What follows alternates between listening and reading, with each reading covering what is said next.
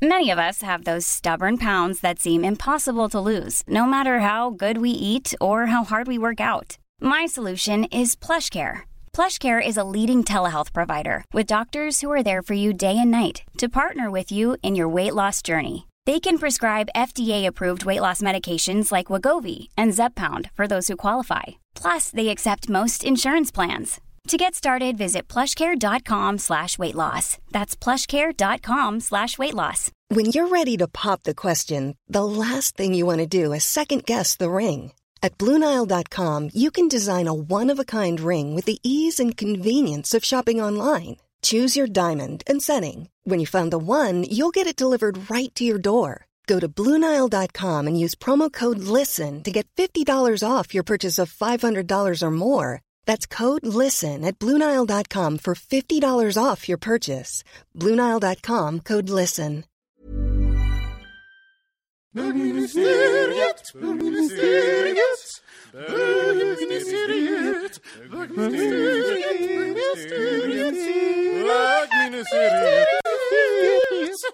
Förlåt, en gång till. Vad, vad, vad var det du åt till frukost? Jag åt en gaffel sauerkraut som jag hann precis innan taxin kom. Hej och välkomna till bögministeriet. Mitt namn är Robin Olsson och jag sitter här med Mårten Andersson. Hej! Hej! Och välkommen hem från eh, Australien. Ja, tack så mycket. Och även Kristoffer Wallercrantz, din eh, osnuskiga hälft. Jag vet inte vad jag ska säga. Men hej Kristoffer. hej. Tjena, hej. Oäkta hälft, men, och det är du. Ja, eller, ja, Ja, ni är inte gifta än. nej, Nej. Och även du är välkommen hem tack från så mycket. Och kv- kvällens, dagens, när ni nu lyssnar, eh, hedersgäst Robert Fuchs. Ja, Äntligen! i gaymeckat. Ja. Herregud vilken tid det har tagit. Alltså det har verkligen, men jag har ju varit här nere mitt emot på basement med ett videoklubben här över Just det. gatan, så att det har varit svårt. Men har nu är jag din- uppe i ljuset igen. Du har din egen podd där eh, med vad du tror i mikrofoner. Ja, precis. Det, pratar. Mm. det är sänt för en lite mindre publik kan man säga, än vad ni har. En och en. Grattis till priset, ni är prisvinnande. Nej, det är Nej. inte tack för den. Nominerade. Det är ju i precis. Så nu tar jag lite kaffe. Jag dricker vi. Herregud. Jag tänkte faktiskt vi ska... ehm, Ångrar du att du kom nu? Nej, men jag försöker titta. Jag tror det här var... Vi dricker ju kaffe kan man upplysa poddlyssnaren på, av vä- ur väldigt fina stengodskoppar. Mm. Ja. Jag har ju en fetisch på det. har du, vad härligt. Mm. Vad kommer vi få se? Får se. Nej, men alltså jag... Jag springer runt på så här Stadsmissionen och sån massa ställen och köper stengods och keramik från 60-talet. Mm. och vi är några bögar som gör det. Så jag börjar känna liksom, och nu direkt när jag drack kaffe så vände jag på, vände jag på liksom fatet. Men det var faktiskt ingen signatur här. Så Vad innebär ja, det? Du får behålla den. Jag har ju väskan i beredskap här under bordet. bara. Varför denna fäbless för stengods? Ja, men det är liksom rejält, eh, maffigt, ganska råa ytor. Ibland är det ju som att någon keramiker har fått ett nervsammanbrott och börjat rafsa med naglarna i sin skapelse. Lite så som man kan känna ibland. Som man ibland kvinnor, gamla tantkeramiker, man tänker att de rafsar lite överallt ibland av, av Ja. eh, iver.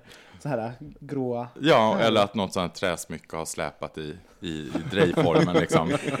Eller Och då de- blir det ju häftiga mönster. Ja, liksom. så det är det, det är mönstren. Ja. Vad har du lyckats samla på dig hittills? Ja, men, usch. Jag har ju sån här nu så jag börjar tänka så här, ska jag sätta upp olika hyllor hemma? Men det är ju liksom ingen som vill gå och titta på gamla stengods från 60-talet som någon har dragit sina träsmycken i. Så att Inte jag det- har dem i olika skåp. Men det är ju, det är ju ganska faktiskt en, mycket. nästan en utdöende tradition det här med att, att, eh, att, man, att ens intresse hamnar på hyllor. Det var ju något som ens mormor Mm. gjorde. Som min mormor var förtjust i väldigt små gl glasfiguriner och de fick stå på hyllor. Så Ja. liksom. Väldigt sött. Kristallrävar och sånt där. Ja, sådär med precis. konstiga ögon och som var lite obehagliga när man tittade nära. Och såna här stenar som är uppskurna med kristaller i mitten. Ja, det finns ju en, hela, här affär i Gamla stan som bara säljer sånt. Det var min favoritaffär när jag var liten. Helande Ja, stenar. jag hade också sånt, men jag var ju häxa och stal. Så att det var Ja, ju- just det. Har du varit häxa? Du kan tänka mig att du har varit häxa. Ja, jag är häxa. kan man säga, lite då och då. häxa. Ja, jag är en riktig häxa. Så att det, ränderna går aldrig ur. Nej. Jag fick vara häxa tidigt faktiskt. Redan på dagis var jag häxa. I, i lek På vilket sätt då? Ja, alltså jag drog på mig liksom, men det var ju mest en ursäkt för att kunna ha de här klänningarna, alltså häxklänning och sånt, som påsk, påskakärring liksom. Ja, just det. Men då, och lösnäsa, jag behöver inte så mycket lösnäsa, jag är ganska stor ändå, men jag drog på mig klänningen och den där näsan och så fick jag vara häxa. Var du ett sånt klassiskt bögbarn? Ehm, nej, men jag var nog inte det, eh, faktiskt. Många tänker nog att jag växte upp i någon form av sån här liten duntoffla. som jag klev ur eh, i tidig ålder och liksom gjorde entréer. Men nej, jag, vi bodde ju liksom på landet ganska mycket på ett, i ett självförsörjande kollektiv. Eh, ute på något som heter Ulfsborg. Utanför Kalmar. Utanför Kalmar, precis. Utanför Kalmar. Eh, och där var det ju så här rovor, betor och eh, liksom växtfärgad ull som gällde. Liksom. Det var ju inte så mycket smycken i, i eh, stengods. Nej. Så att, nej men det var liksom väldigt sådär nere på jorden och så. Väldigt Så att- Montessori låter det. Ja, jag gick Montessori också. du gjorde det? Mm, delvis. Och lite Waldorf och lite sådär. Allt faller på plats. Ja. så jag är ju en sån här riktig, jag är ju liksom en växtfärgningstanta liksom. För du har väldigt stort intresse med växter och blommor och, och så, Mm. eller hur? Ja, jag tänker, ni kan outa mig. Absolut. Nej, men jag är det. Jag var lite så här, jag försökte impa på mina klasskamrater när jag gick i lågstadiet. Så här, genom att ta med en flora, kommer jag ihåg, till klassen och bara, det är jag som har målat den. Alla blommor. Och de bara, aha. det här var inte på Waldorf, det var en kommunal skola. Men ljög du om det? Eller hade Ja, du... nej, men det var ju jättetunt. Det var ju så här Nordens flora liksom. Så kom jag bara, det är jag som har målat bilderna. Men jag kommer ihåg när, när du och jag hängde för några år sedan ganska mycket eh, och du bodde på Djurgården. Eh, och det kom fram båt. att, på en båt. Och det kom fram att du var sådär liksom flora-expert. Så kommer jag ihåg att vi gick någon gång efter att ha varit på Tipptopp eller sådär längs med Strandvägen och ut på Djurgården och så pekade jag på olika växter och så här, hade så här korsförhör med dig och du kunde varenda en. Jag kunde sig inte kolla om det var sant, men, men det var så här, det där är en sån där krysantemum. Men du det ljög ju om- Helt nykter också. Helt nykter, ja. Det är det bästa provet. Men du ljög ju om floran, att du, äh, floraboken, att du Ja. hade målat dem. Så risken finns Ja, ju att det. han bara är bara smörblomma, smörblomma, smörblomma. Det ska Och du det. bara wow, wow, wow. Vad Varje gång. olika de kan se ut, tänkte jag. Men för, för de som inte eh, vet vem du är, var, vad skulle du titulera dig som? Ehm, Du har många titlar. Ja, jag har en del titlar. Jag håller inte reda på dem själv, men jag är väl på olika sätt um, scen, scen, scenuppträdande, liksom, kan man säga. Jag står på scen, ibland är det teater, ibland är det show, ibland är det drag, ibland är det oavsiktligt i någon annan form. Alltså det är på olika sätt så, så skapar jag olika ytor på scen, kan man säga. Och du är en eh, väldigt anlitad konferencier, får man ju säga. I gaysammanhang och liknande. Ja, Och- och- ja, det också. Jag tänker att det är liksom, jag snackar och ser ut. Det kan man säga, det är liksom, det är en sammanfattning. Ja, Men är du tysk? Nej, jag är österrikare, alltså min pappa är österrikare, så att jag är ju delvis uppvuxen också i Wien. Men var det han som tog, tog in er familj i den här eh, tygfärgande, eh, kristallälskande kollektivet? Ja, det var, hans, det var hans bidrag till min barndom. Eh, mamma bodde i stan då och köpte hattar för pengarna i princip och eh, levde en helt annan typ av liv. Det är ju en att- hedersam upp... Ja, ja. Det vattnade ju helt andra sidor hos mig kan man säga. Alltså när vi flyttade till Wien sen när jag var tio, då blev vi satta i en eh, österrikisk klass, jag och min syster, utan att kunna ett ord tyska. Och då satt vi där med våra små växtfärgkläder och eh, fick så att säga använda all hjärnkapacitet för att försöka snappa upp ett nytt språk. Och en ny kultur också väldigt mycket, för det var det? verkligen. Jo men det gick. Alltså barn är ju fantastiska. Vi är ju så otroligt anpassningsbara så att ehm, det går ju väldigt snabbt och man lär sig av nödvändighet. Så jag, vi, alltså till slut, när vi kom tillbaka till Sverige ett, år, ett par år senare då pratade vi så här som vänner och vänner, både jag och min syster. liksom. Så det, det var, då var det helt tvärtom. Men minns, minns du någon krock? Någonting som eh, förvånade dig när du flyttade dit? Som annorlunda? Ja, allt var jättekonstigt. Man fick ställa sig upp bredvid stolen och tilltala lärarna. Och då, då skulle man ställa sig upp och säga så här, herr professor, eller frau professor. Och så skulle man stå utanför klassrummen så här med armlängds avstånd. Vilket då också blev lite konstigt som svensk att ställa sig så här med en, hand ut i luften I i Österrike. Österrike. Och liksom så Associerar här, tills man inser att ja, den ska toucha nästvarandes skuldra, inte vara lite högre upp. Alltså det blev så här, vi Om tyckte inte- det var jättekonstiga grejer. alltid. Om inte personen fr- framför var lite längre, för då blev det ju verkligen... Nej, men allt var konstigt. Det var sådär väldigt mycket som handlar om auktoritet. Att foga sig in i ett auktoritärt system. Och att Wien är väldigt så här, konservativt. Lite som man kan säga Sverige var liksom på 40-50-talet skulle jag säga. Det jag, jag har svårt att tänka, jag har varit i Wien ett par gånger. Det är en stad som jag har svårt att tänka mig att folk bor i. Det är en, alltså det är en sån, ehm, det är så monumentalt på eh, många sätt och vis. Och så eh, mycket paradgator, Mm. tomma torg och så vidare. Sen så bor ju självklart folk där, annars skulle inte staden gå runt. Mm. Hur, hur var det? För det är ju inte som någonting i Sverige. Nej. Men det är ju som en stad i drag liksom. Den dragar sig själv. Ja. Det är så all tingeltangel, alla ornament man kan hitta, allt liksom plingeling på varenda fasad överallt hela tiden och alla parker och sådär. Det är väldigt borgerligt liksom byggt. Men det skapar också, det är det som jag gillar med Wien, för jag åker ju dit mycket. Vi har fortfarande, pappa bor ju där. Ehm, alltså det skapar ju en underground också, för att det, det finns ett sånt tryck, ett sånt otroligt reaktionärt tryck liksom på befolkningen och det är ju liksom, hela Österrike är ju så här lite som att göra en tidsresa tillbaka. På Austrian Airlines börjar allting om man flyger ner. För då har så här flygvärdinnorna röda strumpbyxor, 20 den som bara är så här lite lätt, som gör att de ser bara inflammerade ut över hela benen. Och så måste de ha rött läppstift som aldrig passar liksom, så här hudfärgen. Det är varm röd, det är väldigt svårt. Eh, och sen så, ja men liksom, och så har de små konstiga hattar och så kommer man ner och så är allting lite så här, ja men reklamen, alltså, men allt modet är jättesvårt att handla där för folk som är vana vid att handla här liksom. Det är lite, så allting är lite apart. Och lite gammaldags liksom. Men det skapar också mycket roligare underground tycker jag. För då är klubbarna galna. Jag tror, jag tror liksom om 15 år så kommer det vara nya Berlin. Skulle det kunna bli liksom. För min, uppfattning, alltså min upplevelse av Wien, för jag var ju faktiskt nere och- med dig i, i Wien för ja, ett, ett gäng år sedan. Det var att det var en, en my- mysig stad. Men då tror jag att då hade jag bott i Paris, som också är så här aspampigt. Eh, och, och Wien kändes mycket mer så här, det kändes mindre och mer och snällare på något vis. Så jag känner inte igen den bilden som du har Nej, jag, jag har ju varit där och verkligen så här, gjort de turistiga grejerna också. Och då, om man rör sig i de, i de områdena, då är det det man ser. Så Men hur ser den här underground-kulturen ut? Och gaykulturen också. Ja, gaykulturen, där är det ju mycket mer så här bögarna står liksom, det är, det är inte så mycket droger. Eh, bögarna står liksom lite längs med väggarna och väntar, sen blir de fulla och då blir det liksom helt bananas. Det är inga flator som blandas med bögar nästan. Det är liksom ställen som ligger lite under jord. Det är lite så här känsla som att det är så här wellpapp för fönstren fortfarande. Och är det galna gayfester, då är det typ rave.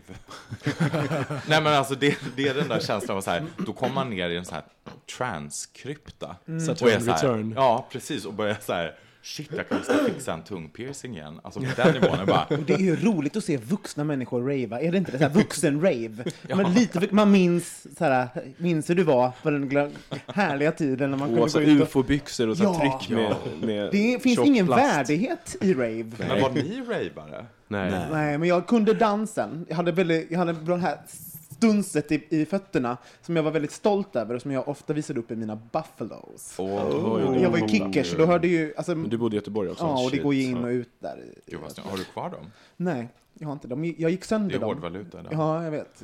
Jag gick ur dem för mina ben, jag tror jag var lite koben på något sätt, så jag liksom gick in. Snyggt. Ja, men då förstår jag att du fick in de där stegen. Ja, det var ju det man skulle vara i Ja, dansen. och så hörde man som att vet, man slår ihop två kokosnötter när knäskålarna gick ihop där. Jo, tack. Men du, har du gått ut i drag i Wien? Ja, ja. Det gjorde vi, alltså då för de, de här jättemånga år sedan som Kristoffer pratade om, då, jag alltid när jag åkte hem, oavsett om det var Kalmar eller till Wien, så tog jag alltid med mig dragoutfits. Alltid. Och det var liksom, det hörde till, för jag visste nästan inte hur man gick ut. Alltså jag, utan att gå ut i drag så att säga. Så jag gick alltid ut i drag och, och åkte både kommunalt och taxi och jag vet inte hur vi gjorde. Nej, alltså det var så roligt. Var, när vi var där så var det Love Parade i Wien också. Och din pappa var ju mer exalterad än vad vi var, att vi skulle vara på det där flaket. Så, och, och du skulle göra det i ordning i drag och vi var bakfulla. Och du satt alltså i det här vardagsrummet och målade dig själv i, som kändes, timmar. Och jag var bara såhär, gud, ska inte gå snart? Men sen så åkte vi på den här Love Paraden och det var ju fantastiskt. Det var ju jätte, jätteroligt. Sen var det också i drag på eh, den här klubben Ofe, som var en gammal det. eh, Tunnelbanestation. Det var ju lite Oj, coolt. det alltså, det var. Var en så övergiven tunnelbanestation som det var en gayklubb på. Hur, hur har re- reaktionerna varit? Har det varit på ett annat sätt där än här i Stockholm? Um, alltså, ehm, så här, jag har ju uppträtt på så himla många olika ställen genom alla år och jag är van vid att uppträda på ställen där man inte förväntar sig att det ska uppträdas i drag. Alltså alla de år som jag var med i en grupp som hette Kunigunda då uppträdde vi nästan bara på straighta ställen om man säger. Jag brukar säga att jag tror att jag har uppträtt på nästan varenda stadshotell i hela Sverige. Vi åkte på sådana här turnéer i hela landet med Ema Telstar och allt och kuskade runt liksom en sån här turnébuss. Var borta fyra dagar i, i veckan och det var liksom inga gayfester utan det var ju liksom Svennebanan. Alltså det var ju verkligen så här ute, om man säger så, som gick man och hen och hon ur huset. Och stod där och, och då lär man sig, apropå det här med reaktionerna, att bemöta människor på olika sätt. Så att man måste ta ett tydligt steg in liksom. Man, man kan inte göra det halvhjärtat, man kan inte liksom be om ursäkt när man gör den typen av drag som jag eller Kunigunda gjorde eller sådär. Då måste man vara beredd på att så här, kliva in helt och hållet. Vad var det för typ av drag ni gjorde? Alltså det var ju liksom stora jätteplatådojor, metallbröst, lackhettor, UV-färgade outfits, stora grejer på ryggen. Var så här eh, traktordäcksliknande outfits och mm, tryckluft och det var ju liksom aldrig roliga nummer egentligen heller, utan det var ju liksom mer så här Chockerande. Men, ja, Alltså, men så här, den- sepultura, stenhårt liksom. Och det var så här, mer som varelser liksom. Bögarna var oftast skiträdda när vi kom ut på ställen. De tyckte liksom att Kunigunda var så här, ja, det är ju lite läskigt, eller man förstår. Alltså det var inte det här peruk och pattar och liksom. Jag, min, jag minns när eh, Kunigunda var nere i Göteborg, jag vet inte, vilket år, men det måste varit så här 99 eller någonting, Mm. så här, 98 eller något. Och då, då, var det, då var det, det som en enormt event att Kunigunda skulle komma till stan. Det var typ som att eh, den straighta mot, eh, homosexuella motsvarigheten som att, vad fan heter han, Bruce Springsteen skulle komma till svan, stan. Liksom. Mm. Komma till Svan, det var ju roligt. Eh, och det var så här, ni var, ni var the it crowd. Liksom, Ja. den, eh, ja, vi hade, det var verkligen, vi gjorde så himla många jobb. Jag har gått tillbaka någon gång och tittat i mina gamla eh, liksom, böcker. Jag har så jävla dåligt minne, men däremot så har jag alltid mina filofaxböcker kvar från alla år. och då kan jag titta i dem så här, och se vad jag faktiskt har gjort. Och då, alltså man kan räkna ihop, jag tror jag räknade till 250 gig på ett år på hobbybasis. Och det är liksom, alltså det blev ju jättemycket jobb. Vi var ju hela somrarna på Gutekällan eller på Burmeister på, i Visby och även utomlands och gjorde en massa grejer. Så det är klart att man bygger upp en erfarenhetsbank bank där. Och det här att åka till Wien då och göra drag, det var ju liksom det kändes helt naturligt att folk, vissa gillar det, andra gillar det inte. Men, eh, men jag tror att det handlar om någonting i blicken och i steget när man är performativ. Så här, hur man blir bemött. Man kan inte säga det alltid, för ibland så blir vi bemötta. Det kan ju hända väldigt farliga grejer också i drag. Och framförallt idag också på olika delar i Sverige och i, i världen. Liksom. Man kan inte förebygga allt liksom, som händer allt hotfullt, men man kan ha en approach liksom. Och den gör väldigt mycket. Har ni varit hotade någon gång när ni har varit ute sådär? Eh, nej, alltså vi klarade oss väl. Jag vet inte om det var för att vi såg så himla hotfulla ut eller om vi, jag vet inte. Vi, nej, det hände någon enstaka gång faktiskt i Göteborg att vi hade något jag efter oss in i en taxi eh, med några killar som bultade på en dörr. Men det var liksom, då var vi helt så här, what? Och då var det som att man skulle flyga ut och hoppa på dem, den känslan. Det var Mm. jättekonstigt. Jag kan få den reaktionen också, om det händer saker. Liksom, Att du blir jag, arg? Ja, att jag blir väldigt arg.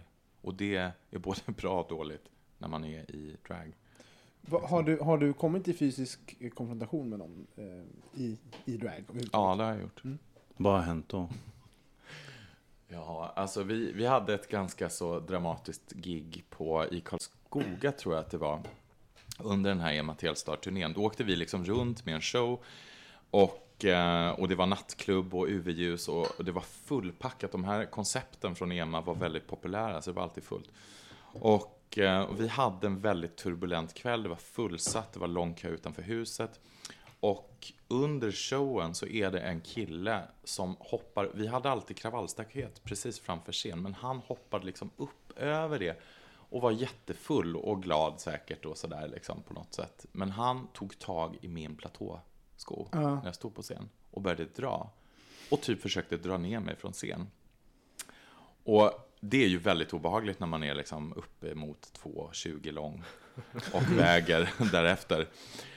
Eh, och han fortsatte att dra och jag försökte komma loss. Och då gjorde jag ju liksom någonting som jag ja, eh, kanske inte rekommenderar, men jag måttade liksom en ganska hård spark.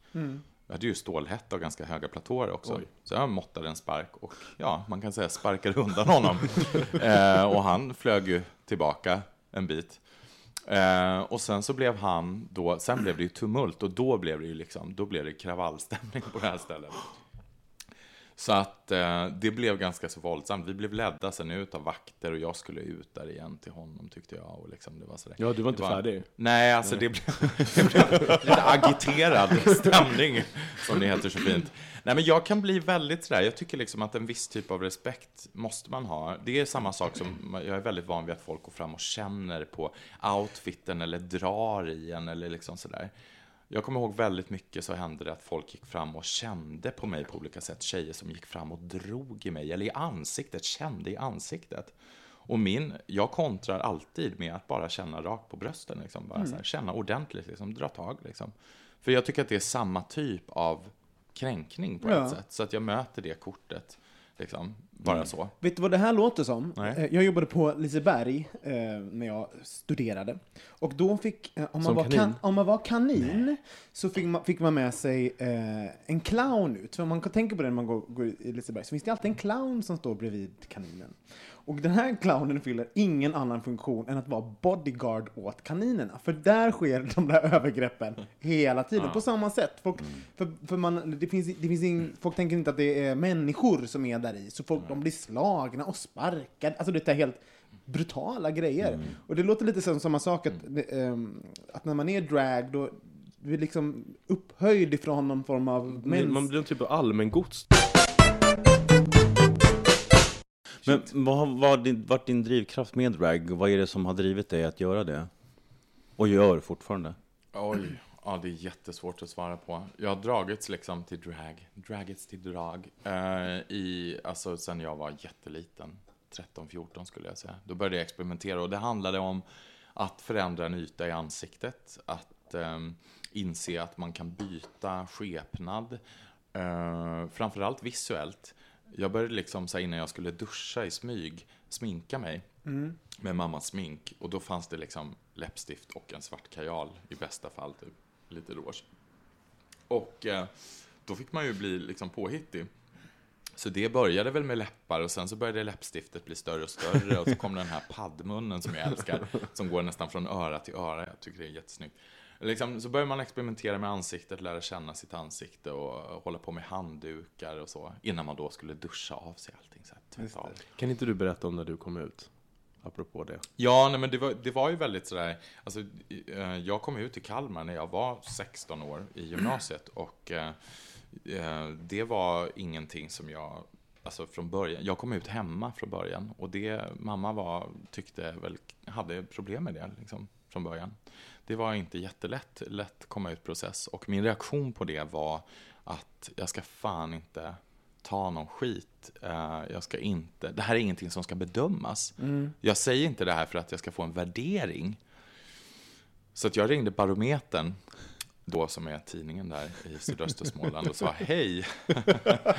jag är en 16-årig kille eh, som är homosexuell. Och de bara, va?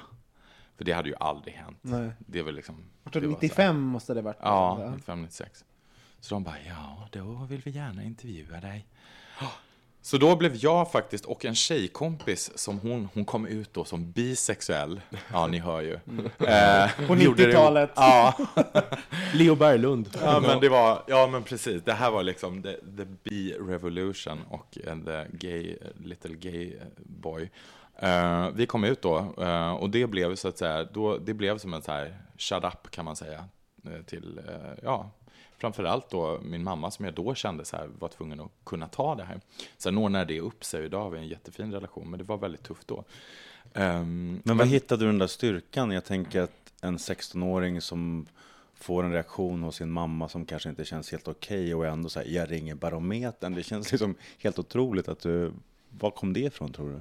Ja, alltså jag vet inte om man kan leta liksom längre tillbaka till att jag sitter under i princip nästan en korkek eh, på Ulfsborg och klassificerar olika små växter. Men jag har alltid varit en person som trivs väldigt mycket på egen hand och i mitt eget sällskap och själv. Jag är liksom mer av en ensam varg än vad folk förmodligen tror. Jag tycker väldigt mycket om att vara liksom, i fred och själv. um, och jag tror att det är någonting som har följt med mig sedan jag var liten. Så att när det här kom så, så kände jag att det handlar om mig. Det spelar inte så mycket roll vad, eh, om, om det här kommer att klippa bort vissa relationer. Alltså det, det får kosta vad det kosta vill. Det handlar om mig, liksom, och min integritet. Jag tror att det var så här, jag kände mig redan lite som en solitär innan det här hände. Som en, liksom, en, en person som stod själv på ett sätt. Så att vad, vad kostade det då? Att till exempel ringa och säga bara, då ska jag skrika ut istället. Men fanns det ingen längtan, för, eh, om man tittar på, eh, du, när du är drag, drag till exempel, man ser ju dig, om du ska, ska rada upp dig bland tio gemene man drag queens, då ser man ju vem som är Robert Fuchs. Ehm, och det är ju ett sätt att, eh, ja men det är ju en uppmärksamhet också, du får ju det naturligt. Fanns det, fanns det någonting i dig då som den här lilla 16-åringen som också tyckte det var kul att ja men shit, nu fan kommer jag ut i tidningen liksom. Så här, det här kommer... Jo, men det var också en väldigt smärtsam grej. Jag kommer ihåg när vi satt där på morgonen och tidningen skulle ges ut och det var en junimorgon och jag skulle till gymnasiet och Ulrika hon skulle till sin skola också på gymnasiet. Och vi satt och hade en picknick i Stadsparken i Kalmar. Bara hon och jag och det var så här disigt och solen gick upp och det var, klockan var sex på morgonen tror jag. Och det var liksom som en sån här avgrundsödeskänsla då. Att vi, vi visste att den dagen så skulle allting bli offentligt. Ja. Och att det fanns ingen återvändo. Och vi visste inte hur någon skulle reagera på det, varken familj eller skolkompisar. Liksom. Och att det var så här, från idag så kommer ingenting vara sig lik. Det var otroligt, jag verkligen känner den känslan i hela kroppen när jag tänker på det. Det var så dramatiskt. Och när vi sa hej då och gick till varsin skola så var det verkligen, alltså det var som att gå igenom en dröm. För att man visste inte vad som väntade. Och det blev ju också väldigt stora konsekvenser på det här reportaget. För att det hade aldrig hänt att någon gick ut. Uh, och, och skolans lärare hade haft ett extra, kallat, extra inkallat lärarmöte på morgonen på grund av artikeln. Men liksom, uh, för att, ja, och rektorn hade då ringt till alla och bara vi måste ses och så här. Det var en stor gymnasieskola också, tusen elever ungefär. Uh, och sen så kom jag då till skolan och, och det som hände, alltså det gick jättebra. Det gick jättebra. Det, det, jag menar, sen kan man också säga så här, ingenting var väl en överraskning för någon i mitt fall. Jag menar, jag jobbade, höll på med teater, hade teatergrupper, var eh, kulturansvarig i elevkåren, jag var jättedriftig och höll på. Men det var ändå ett risktagande liksom, i en liten stad som jag skulle vara tvungen att vara kvar i väldigt länge. Men jag löste det där genom att så här, bända mig in med en kofot, kan man säga. Eh, att tvinga mig till en plats. Så att jag började, och det hade jag gjort innan också på ett sätt, gå ut liksom i Kalmar i jättekonstiga outfits, invirad i gaffatejp och i konstiga grejer som jag gjorde av badmössor och sådär. Och tog jättemycket plats. Jag tog verkligen en plats och blev också, det var inga problem att ta den platsen. Jag tror att det var för att jag var väldigt tydlig med det liksom. Som du sa innan också med drag, att, att ta den platsen, Ja. ta steget framåt. Ja. Och, Och att det så här kostar, jag tror också att när man ser att, att när någon tar platsen och tänker så här, kosta vad det kosta vill. Liksom, jag har ingenting att förlora på det här, liksom, jag, jag tänker göra det. Då, då blir det, det blir någon sån här no mercy, jag vet inte, jag kan inte förklara det på något annat sätt. Jag tänker att det kanske också blir att det blir mindre hotfullt. Alltså på ett sätt, för att du äger det helt och hållet. Så att alla andra, det, det blir tydliga gränser. För det tänker jag kan vara ett problem annars när man kommer ut att det helt plötsligt så börjar det pratas om att det är någon som är bög eller så, så vet man inte riktigt vad som händer. Och, och att i just den, i det sammanhanget blir ganska hotfullt och då kan de här aggressionerna eller mobbingen eller det liksom få ta den platsen. Men de, du, du gjorde ju väldigt tydligt att så här är jag, du, du lät och, och du syntes så att säga. Eh, och då kanske man slipper det mer. Ja, och det som, alltså jag tänker så här, för det är ju, och, och, och jag hade turen på ett sätt liksom att det gick så bra. Um, för det måste man komma ihåg att jag, menar, jag är väldigt glad för den starten på ett sätt. Men vänder man också på myntet så ser man att det kostade också ganska mycket. Det kostade väldigt mycket turbulens i familjen. Uh, jag var tvungen att flytta hemifrån väldigt tidigt. Um, alltså, ett, ett, ett ensamskap kan man säga att det kostade, liksom. på gott och ont. För att det trivs jag oftast med, men det blev också priset för att ständigt ta den här positionen. Hade du gjort om det idag? Um, alltså, jag kan inte se att jag hade kunnat göra på ett annat sätt. För det var aldrig ett medvetet val på det sättet, utan det var liksom bara en inre riktning. Alltså det var, ibland har jag varit så här, men varför har jag hamnat i liksom scenbranschen? Hur blev det så? Det var ju inte alls det jag drömde om heller. Vad var det du drömde om? Nej, men jag drömde om att jag skulle bli... Alltså jag har aldrig drömt om att bli skådespelare eller scenartist eller någonting, utan jag drömde om att jag skulle bli socionom. Eller att jag skulle... Vilket jag kan så kan se. här- Ja, men, ja, ja, men det är ju liksom, det är ju verkligen träsmycken i keramik som släpar runt, runt, runt, runt. eh, nej, men sen hade jag också en väldig dröm att bli psykolog. Liksom. Ehm, och eh, min pappa har ju jobbat nästan hela sitt liv inom psykiatrin och varit en stark motståndare också till den på ett sätt. Så vi pratade väldigt mycket om det hemma. Hi, I'm Daniel, founder of Pretty Litter. Did you know cats tend to hide symptoms of sickness and pain? I learned this the hard way after losing my cat, Gingy. So I created Pretty Litter, a health monitoring litter that helps detect early signs of illness by changing colors, saving you money and potentially your cat's life. Pretty Litter is veterinarian developed, and it's the easiest way to keep tabs on your fur baby's health right at home. Go to prettylitter.com and use code ACAST for 20% off your first order and a free cat toy. Terms and conditions apply. See site for details. There's never been a faster or easier way to start your weight loss journey than with PlushCare. PlushCare accepts most insurance plans and gives you online access to board-certified physicians who can prescribe FDA-approved weight loss medications like Wigovi and Zepbound for those who qualify. Take charge of your health and speak with a board-certified physician about a weight loss plan that's right for you. Get started today at plushcare.com slash weight loss. That's plushcare.com slash weight loss. plushcare.com slash weight loss. Hey, it's Paige DeSorbo from Giggly Squad. High quality fashion without the price tag. Say hello to Quince. I'm snagging high-end essentials like cozy cashmere sweaters, sleek leather jackets, fine jewelry, and so much more. With Quince being 50 to 80% less than similar brands. And they partner with factories that prioritize safe, ethical, and responsible manufacturing. I love that. Luxury quality within reach. Go to quince.com slash style to get free shipping and 365 day returns on your next order. Quince.com slash style. Jag vet inte om jag hade liksom pallat det på ett sätt, men det hade gett mig en annan position. Alltså det hade kunnat göra att jag hade fått välja en synlighet kanske, eller inte ha någon synlighet alls. Och sen kan man fråga så här, hade jag verkligen stått ut med det? Så man kan liksom, jag har ingen aning, ingen av oss hade kunnat veta hur vi hade kunnat gestalta oss på ett annat sätt än det vi har gjort. Och jag är jätte, jätteglad och tacksam väldigt ofta att jag kan ha det så bra som jag har det idag. Trivs du med din synlighet idag?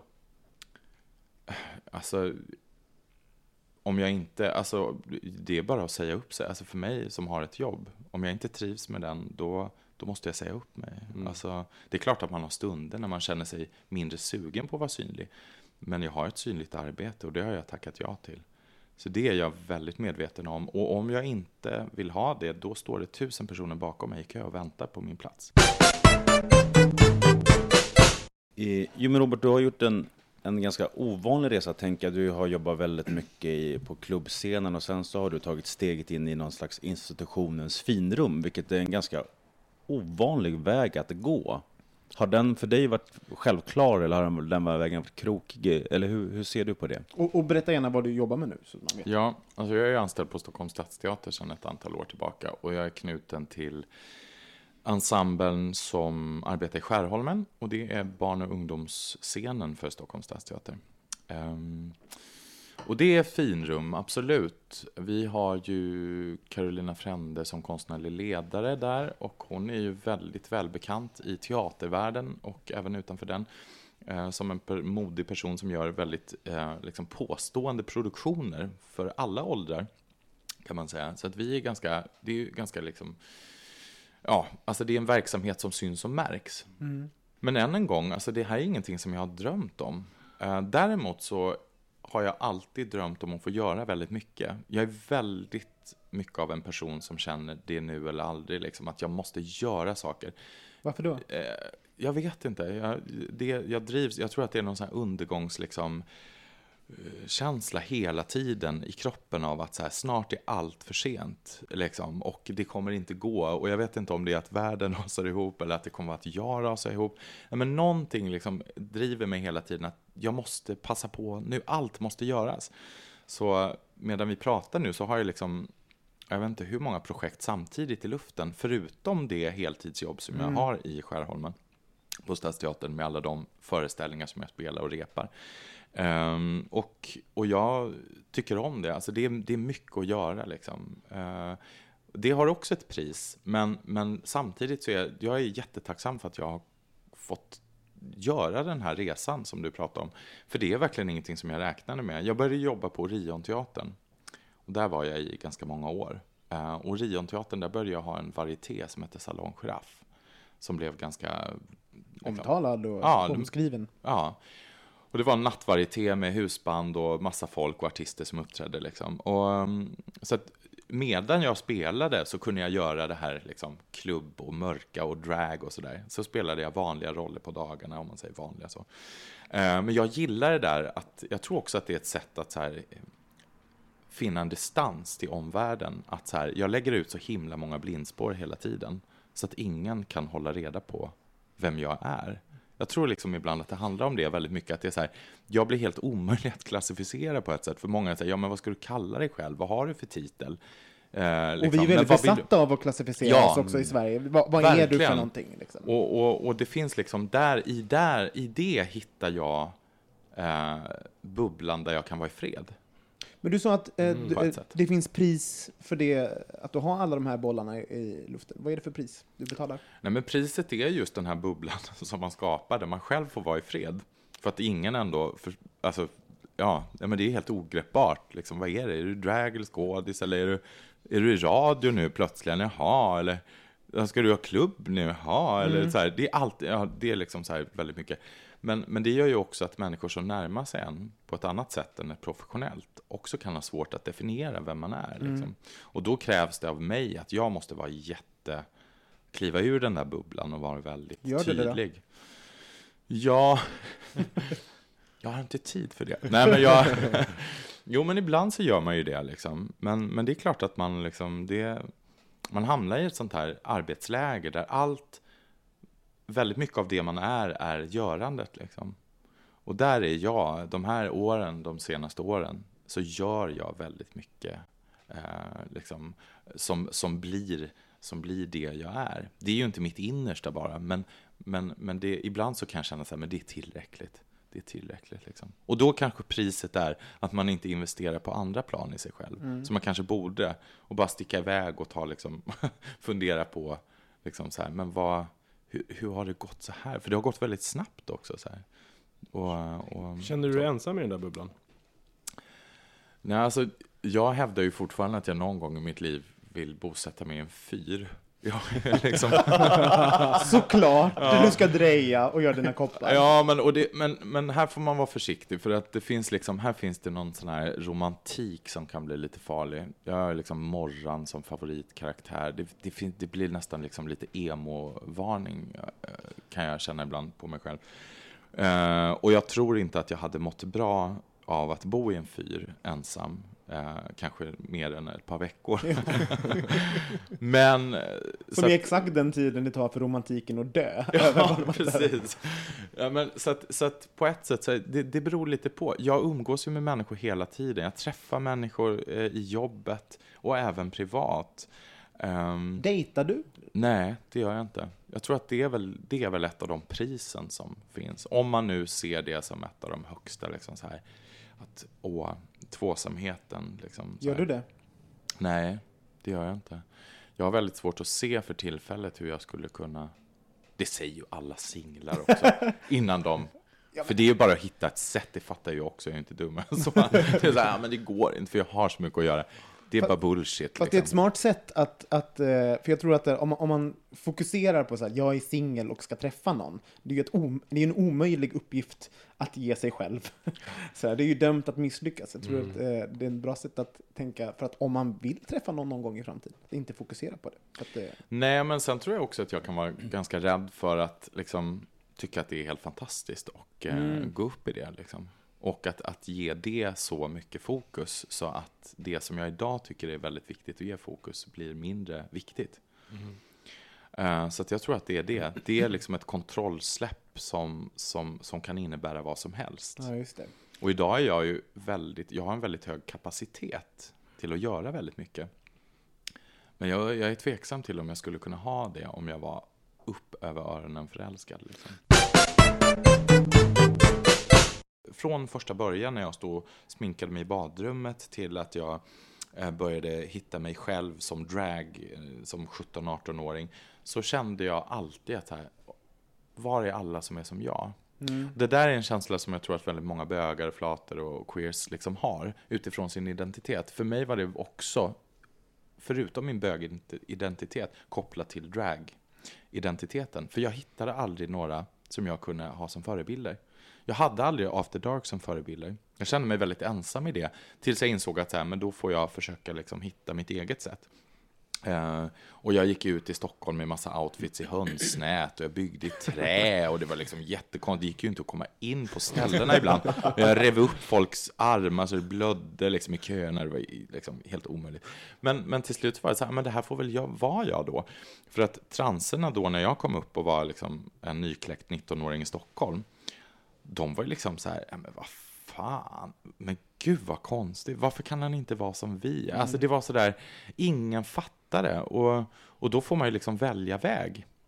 Men det, jag, jag uppfattade dig väldigt mycket som att eh, Rising Star, när du, för du vann väl också Miss... Ja, någonting? Miss Gay Sweden hette det då, eller Miss Pride hette det, Ja. eh, 99 precis. Just det. Så, så du, det måste ju ändå varit också att du fick mycket uppmärksamhet på grund av att du inte var som de andra drugorna. Och det kanske gjorde också att de var lite, kände sig lite hotade. De, Ja, men också det här att, så här, för nu idag om vi tittar på Drag Race, internet, tv, allt det där. Alltså, och jag tycker det är fantastiskt med Drag Race, för det har gett en helt nytt spektra av förebilder till alla unga drag queens. Och för mig har det varit viktigt ända sedan jag var väldigt ung att så här, försöka bereda plats till de som faktiskt kommer från där jag kom, det vill säga ifrån en värld där det är svårt att hitta förebilder. Och att jag som har makten att skapa ytor också gör det till andra som behöver dem. Så jag startade ju tillsammans med Faro den här öppna scenen för dragshow som hette Dragcirkus för några år sedan.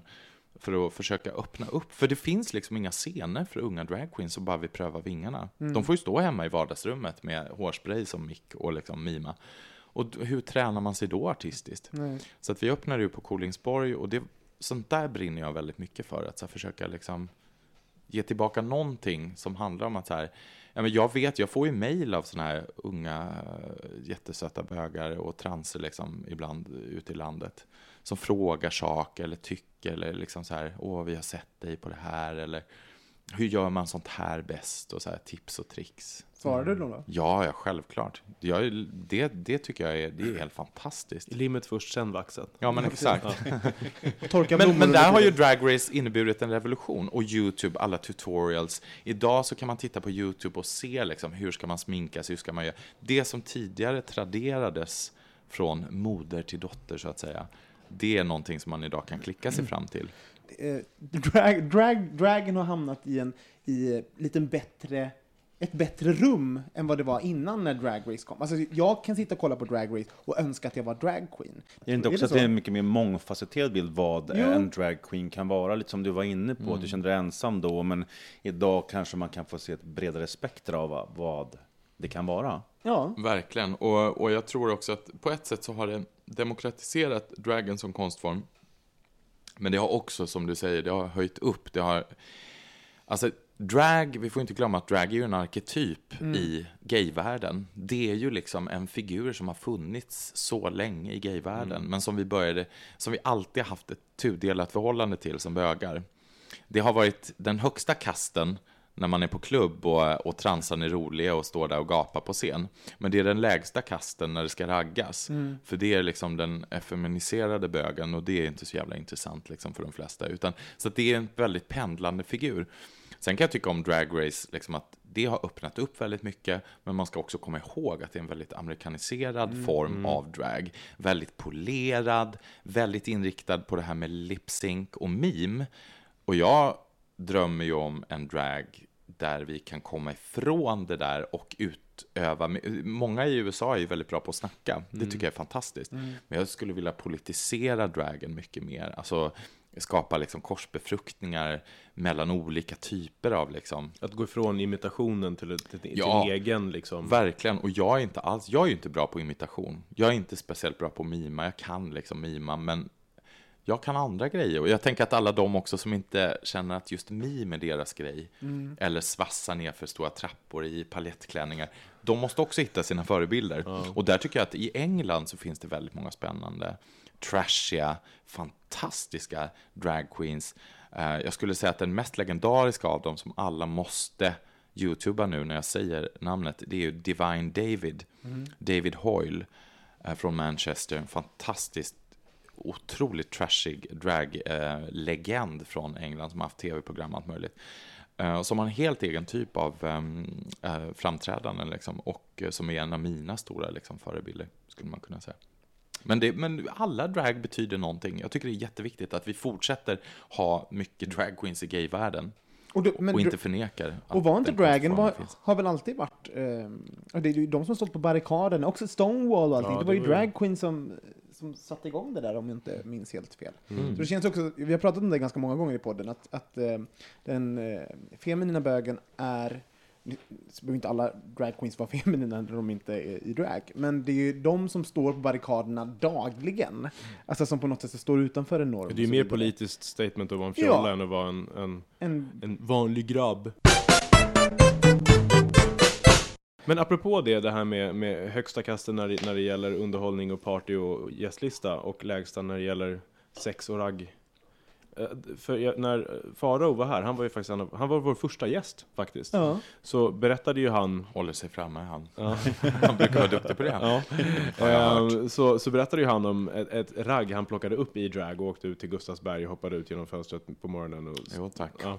Ehm, hur, Det var jag liksom, som släppte iväg honom från klubben. Ja. Han gick lite tidigare från jobbet den kvällen. Mm.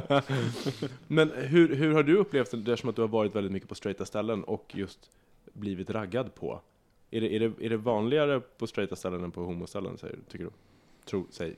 Alltså i drag menar du? Ja, ja, ja precis. Ja, alltså det är ju inga bögar som raggar på drag queens eh, direkt. Det, det har jag aldrig nästan varit med om tror jag. Eh, that would be some queer motherfuckers. nej men, eh, nej men straighta visst, det räcker ju liksom med en liksom sopborste på huvudet och, och, och lite liksom, alltså läppstift över skäggstubben så är man ju en kvinna liksom i de flestas ögon. Det är ju den här jättekonstiga förvandlingen som alla vi känner till liksom. Eh, så det händer ju jättemycket, absolut. Och, och det får man ju liksom förhålla sig till. För mig är det ju det där också igen att, eh, alltså, på ett sätt, drag för mig är väldigt mycket ett jobb. Och allting som sker utöver liksom, dragjobbet, det måste man på något sätt värdera priset till. Allting har ett pris, så tänker jag väldigt mycket i livet. Liksom. Och eh, sådana där grejer som att åka hem till någon, alltså det är ett jävligt högt pris skulle jag säga. Ja. På, många, på väldigt många sätt. Speciellt på bussen tillbaka på morgonen. Precis, ja, det kan man tycka. Och jag är väldigt, jag har alltid varit väldigt mycket katastroftänkande. Eh, Jag är väldigt mycket sådär, eh, det har jag varit ända sedan ungt, liksom, att man tänker igenom i flera steg, är det här en bra idé och sådär liksom. Mm. Har du, har du gått hem med någon i drag? Inte hem, det skulle jag aldrig göra. Och det handlar också om så här, hur jag ser på mig själv i drag också. Alltså det, jag menar, att gå hem med någon i drag, då är jag manifesterad i den rollen. Då, då blir det nästan som att jag lever i det. Eller, alltså det är ju en väldigt tydlig performativ yta. Det är ju en yta för mig liksom.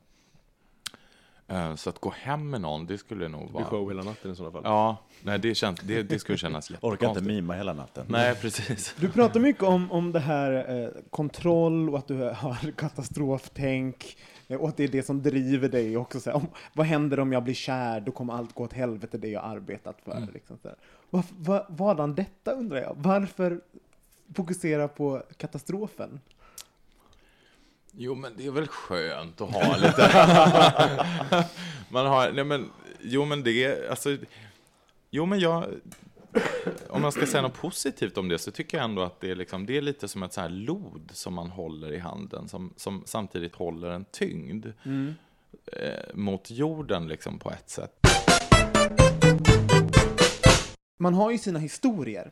Eh, till exempel när man som, jag, som Stina Dabrowski lärde mig i skola. Men det finns det sådär, man har, när, när folk tror att jag är hur kan du berätta det offentligt? Du, du är så privat ibland. Liksom. Det var. Så jag bara, men det där är inte personligt för mig. Det där kan jag bara blabbra om. Det som jag egentligen vill att folk inte ska veta, det pratar jag ju såklart inte om. Liksom, så här.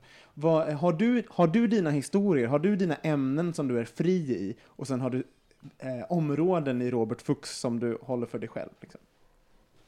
Um, nej men absolut, men jag tänker att, att det spelar ingen roll. Alltså ni skulle ju kunna fråga precis vad som helst.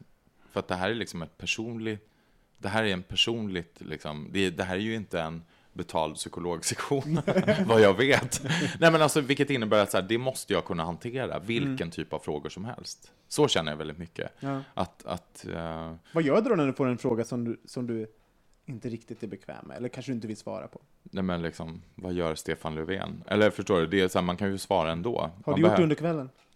Nej, det har jag faktiskt inte gjort. Det har inte varit så, så jobbigt än. Nej. Vad skulle vara Eh. jobbigt att fråga dig då? Precis. Eh, ja, precis. Ge oss en fråga, ge ge oss en Eh. som vi kan ställa. Nej, men jag vet inte. Alltså, det, det är liksom... Nej jag, nej, jag känner inte att det är sådär något jättejobbigt som inte... Det, för jag tror faktiskt att det handlar om det, att eh, i det yrket som man har, om man är synlig och man gör väldigt mycket, så ingår det ju faktiskt att prata om sig själv eller berätta på ett sätt, vad, det här, vad är ingången, hur hamnar du här? Det är, liksom, det är ju så. Och jag förstår varför man undrar det. Och sen eh, tycker jag att det är jätteviktigt att poängtera så att det inte kommer fram fel, att det är ju en passion för att stå på scenen som är grunden till hela mitt uttryck, oavsett om det är drag eller att jag står på en teaterscen. Jag älskar att stå på scen. Och jag älskar också till 99,9 procent att synas. Men den här sista 0,1 procenten, den är också väldigt dominant på ett sätt. Det är den som också säger så här, app, app, app, du behöver inte synas här och inte här. Och du kan tänka lite och så vidare. Så att, men, men man kommer aldrig ifrån att så här, det är ju inte en plåga för mig att stå på teaterscen. Det är ingen ångest innan. Jag har ingen, jag har ingen scenskräck till exempel. Ehm, Och det är, en, det är lite finare att prata om den 0,1 procenten. Det kan jag Ja. säga, alltså, att, att säga att jag, jag har ett behov av att synas, jag, jag har ett behov av att uttrycka mig, att, att, att få höras. Liksom. Det, det är lite fulare än att säga I want to be alone. Jo, men precis, och det är därför jag säger det också, för att för det, det är liksom, där tangerar man något privat i mig. Det kan jag liksom säga, att där, det, det där är den privata sfären som handlar om att så här, men jag försöker skapa mig ett eget rum också, som bara är till för mig, som inte är till för alla människor. Jag behöver det rummet för att kunna andas, men jag behöver också kunna göra väldigt mycket saker utanför teatern för att orka vara på teatern. Och jag behöver göra mycket saker på teatern för att orka göra andra projekt. Så allting hänger ihop, de här olika rummen som jag skapar för mig själv. Vad gör du för något nu? Kan du inte berätta lite? Så vi får lite Eh, inblick i Robert Fuchs liv. Vad gör jag? Den här mystiska tillvaron. Eh, Nej, men just nu så håller jag på att spela en världsomsegling under haven eh, av Jules Verne, där jag gör Kapten Nemo på Stadsteatern. Och det är alltså, det gör vi fem gånger i veckan, det är olika tider. Sen håller jag på att ehm, jobba med en filminspelning faktiskt, eh, som är en eh, grej som kommer att gå inför valet, som handlar om hur vill vi ha det i det här landet framöver. Jag gör en massa olika karaktärer och skriver manus. Det kommer att synas på webben och eh, förhoppningsvis på bio framöver. Eh, sen så håller jag på att starta upp en klubb eh, på Berns som kommer ha premiär i slutet på april. Och som kommer heta klubb? Casa Hysterica. Ja, jag kan säga att inget öga kommer lämnas torrt.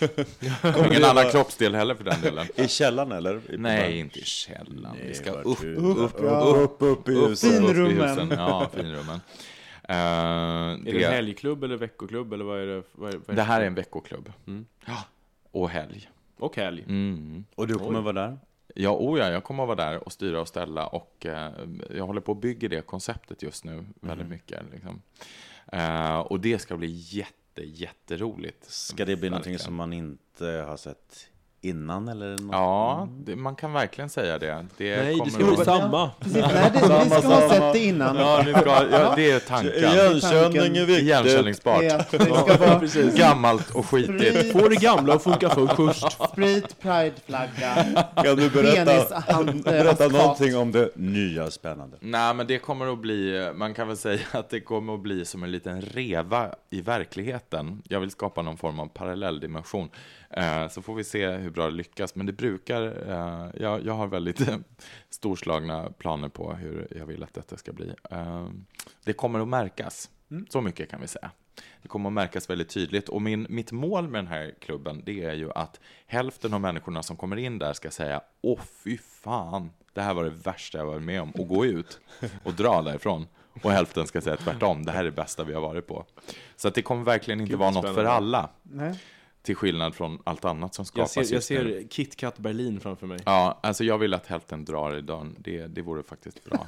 Så vi får lite Vad ordning på kommer Bernt torpet. säga om det här? Bernt bara, det här har vi inte pratat om. Nej, precis. De bara, va? De ska dra. Nej men det är sådana grejer. Och sen så, jag har en massa andra små grejer hela tiden som jag håller på och fipplar med. Vissa är mer, och kan jag prata mer om, vissa kan jag prata mindre om. Men snart börjar jag också repa en monolog som har premiär i eh, augusti. Och den börjar repa om två veckor, eh, de tiderna jag inte spelar på kvällen. Och det är en som heter Tingsten, eh, som handlar om Herbert Tingsten, DNs gamla chefredaktör. Och det är en jättemaffig gubbroll, typ, monolog. Jag ska typ, utan att säga för mycket, draga en gubbe kan man säga. Det är ju Ehm, fantastiskt. på, ja, Kilen inne i Sergels torg. Så det måste ni komma på, för det, Absolut. det är jag lika spänd inför. Kommer du att ha premiär under Pride andra. eller något sånt? Nej, lite efter. Mm. Så det, det kommer lite efter mitten på augusti ungefär. Så det blir Då vet du vad du kul. ska göra i sommar alltså. Herregud. Mm. Ja, så det blir kul liksom. Vad är Eh, det bästa med att vara Robert Fuchs? Det är en bra fråga. Vad är det bästa? Ja? Eh, men det är, oj, vad är det? Ja, men det är faktiskt, just nu så måste jag säga att det är blandningen. Just nu så är det blandningen. Jag tycker jättemycket om det. Att jag får möjlighet, att jag är frisk nog, både liksom, nej men liksom fysiskt, alltså det är ju något sånt. Jag har två armar, jag har två ben, jag kan röra mig, jag kan andas. Jag är jätteglad för hälsan, liksom, rent fysiskt. Jag är jätteglad för att jag är eh, någorlunda frisk i huvudet, liksom, i alla fall. Eh, och har möjlighet att göra så många olika saker just nu. Det ger mig jättemycket energi. Så det roligaste just nu att vara Robert Fuchs, det är att få göra många olika saker. Jag vill veta också faktiskt, Kristoffer och Mårten, vad som är bäst med att vara er. Ja, det är jag väldigt nyfiken på. Mårten, du får börja. Och ni får inte säga varandra. Nej. Nej. Mårten? Ehm, nej men det, jag- det jag tänker på först är rörligheten, att jag känner att jag har ett ganska stort svängrum. Både socialt och geografiskt, att jag liksom rör mig runt på platser som jag tycker känns spännande och roliga. Eh, och jag gillar ju mitt jobb väldigt mycket. Att jag har en rörlighet i det, att jag både regisserar och spelar och projektleder det vi pratade om lite grann tidigare och det jag vill göra att jag känner att jag får vara i kreativa processer och att jag känner mig jäkligt stimulerad av det. Ehm, ja, ja. Kristoffer? Jag tror att, att ehm, det bästa med att vara jag eh, är, i alla fall just nu, att jag känner mig väldigt mycket tillfreds. Alltså med vart jag är i livet, rent sådär arbetsmässigt. Jag trivs otroligt, mycket, alltså otroligt väl på mitt jobb. Eh, att vi har, eh, vi säger jag, jag tittar på dig Mårten, men, men att ha vänner liksom i hela världen faktiskt och ku- kunna resa till dem. Alltså jag inser att, att, att, att jag lever ett väldigt privilegierat liv och det, det njuter jag av faktiskt. Så det, det är nog det. Du då Robin? Eh, att jag är lugnare än vad jag var förr. Det är, jag, det, är det bästa med att vara med nu. För jag var väldigt, jag var väldigt eh, hetsig en gång i tiden. Som en liten iller som bara sprang runt och klubbade och jobbade och hade liksom en attityd till livet. Jag känner mig mycket lugnare nu, jag är inte så ängslig av mig. Det är, eh, det är det bästa med att vara med just nu. I, och allt vad det innebär. Gud vad vi har det bra. Ja, på riktigt. Jag, kan- jag kan ibland så här, ibland när vi, jag sitter och lyssnar på våra gamla avsnitt, vi sitter bara ja, det har varit ute och rest, da, da, da, da. man bara så jäkla tacksamma ska vi vara att vi Ja, Ja, verkligen, men det ska vi faktiskt. verkligen vara. på, Med de orden tycker jag att vi eh, rundar av lite grann. Jag ska säga en kort grej. Ja. Vi refererade till ett avsnitt här tidigare med Fara och Grot. Ja. Och det avsnittet heter Drag Queens, om ni blev nyfikna på det. Vad heter det här avsnittet? Robert Fuchs heter det. Det bästa med Robert Fuchs. det jag kommer ju aldrig våga lyssna det- på det här. det Jag vågar aldrig Robert lyssna på Fuchs. någonting som jag... Ah, det är det är jättekonstigt. klart du ska Nej, jag kommer... lyssna. På riktigt, det här ska bli spännande. Ja, men det, det, vi, kommer ju, vi kommer ju klippa ihop dina ord så att du har sagt det vi vill. Jag hatar drag queens. jag är hora. Ja, så, så där. Men, Men, jag, hop- jag hoppas också att, att eh, när det är dags för din uh, klubbpremiär Mm. så, så ska vi göra ett extra shout-out till alla våra lyssnare så att vi får många, så att hälften, alla de som går därifrån, eller rättare sagt de som stannar kvar, fyller stället i alla fall. Förhoppningsvis. Underbart. kan man följa dig på någon socialt medie? Är det någonting du vill? Instagram där du Nej. visar... Sluta följa mig! Ta han till mig! Eh, jo, men det är självklart man kan gå in på Instagram, för det fick jag ju släppa. Jag tänkte att det där ska bli min privata sfär, men det fick jag släppa Ja. ganska snabbt. Så in nu allihopa och adda mig på Fux Deluxe. Så får ni se mitt innersta, mitt allra mest privata. Jag lämnar ut mig själv från morgon till kväll. Det är rosa och ni får hänga med. Och äh, att Waldekrans och Ma- at Martin And och jag heter att Olsson Robin på alla sociala medier.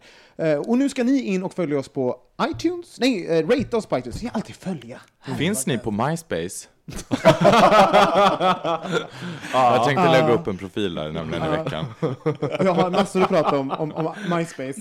Eh, jag försökte faktiskt för alldeles för kort tid sedan. att gå Nej. in på MySpace. Ja, men vi går inte in på det. Nu lägger vi slutet med det där. Jag Puss och kram! Ja men hallå du, Instagram skulle vi följa och Facebook. Ja, Bogministeriet, Facebook, Bögministeriet. Bogministeriet. Det Ja. ska jag öppna en charkbutik som heter. Gud vad bra. Tack för idag. Puss och kram. Hej. Hej då! Bögministeriet, bögministeriet, bögministeriet, bögministeriet, bögministeriet.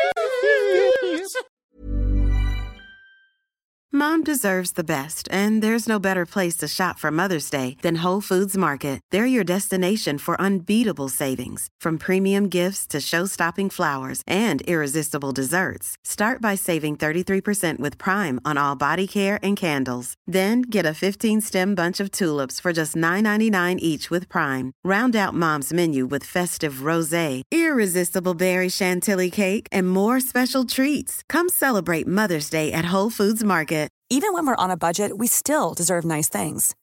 Quince is a place to scoop up stunning high-end goods for 50 to 80% less than similar brands.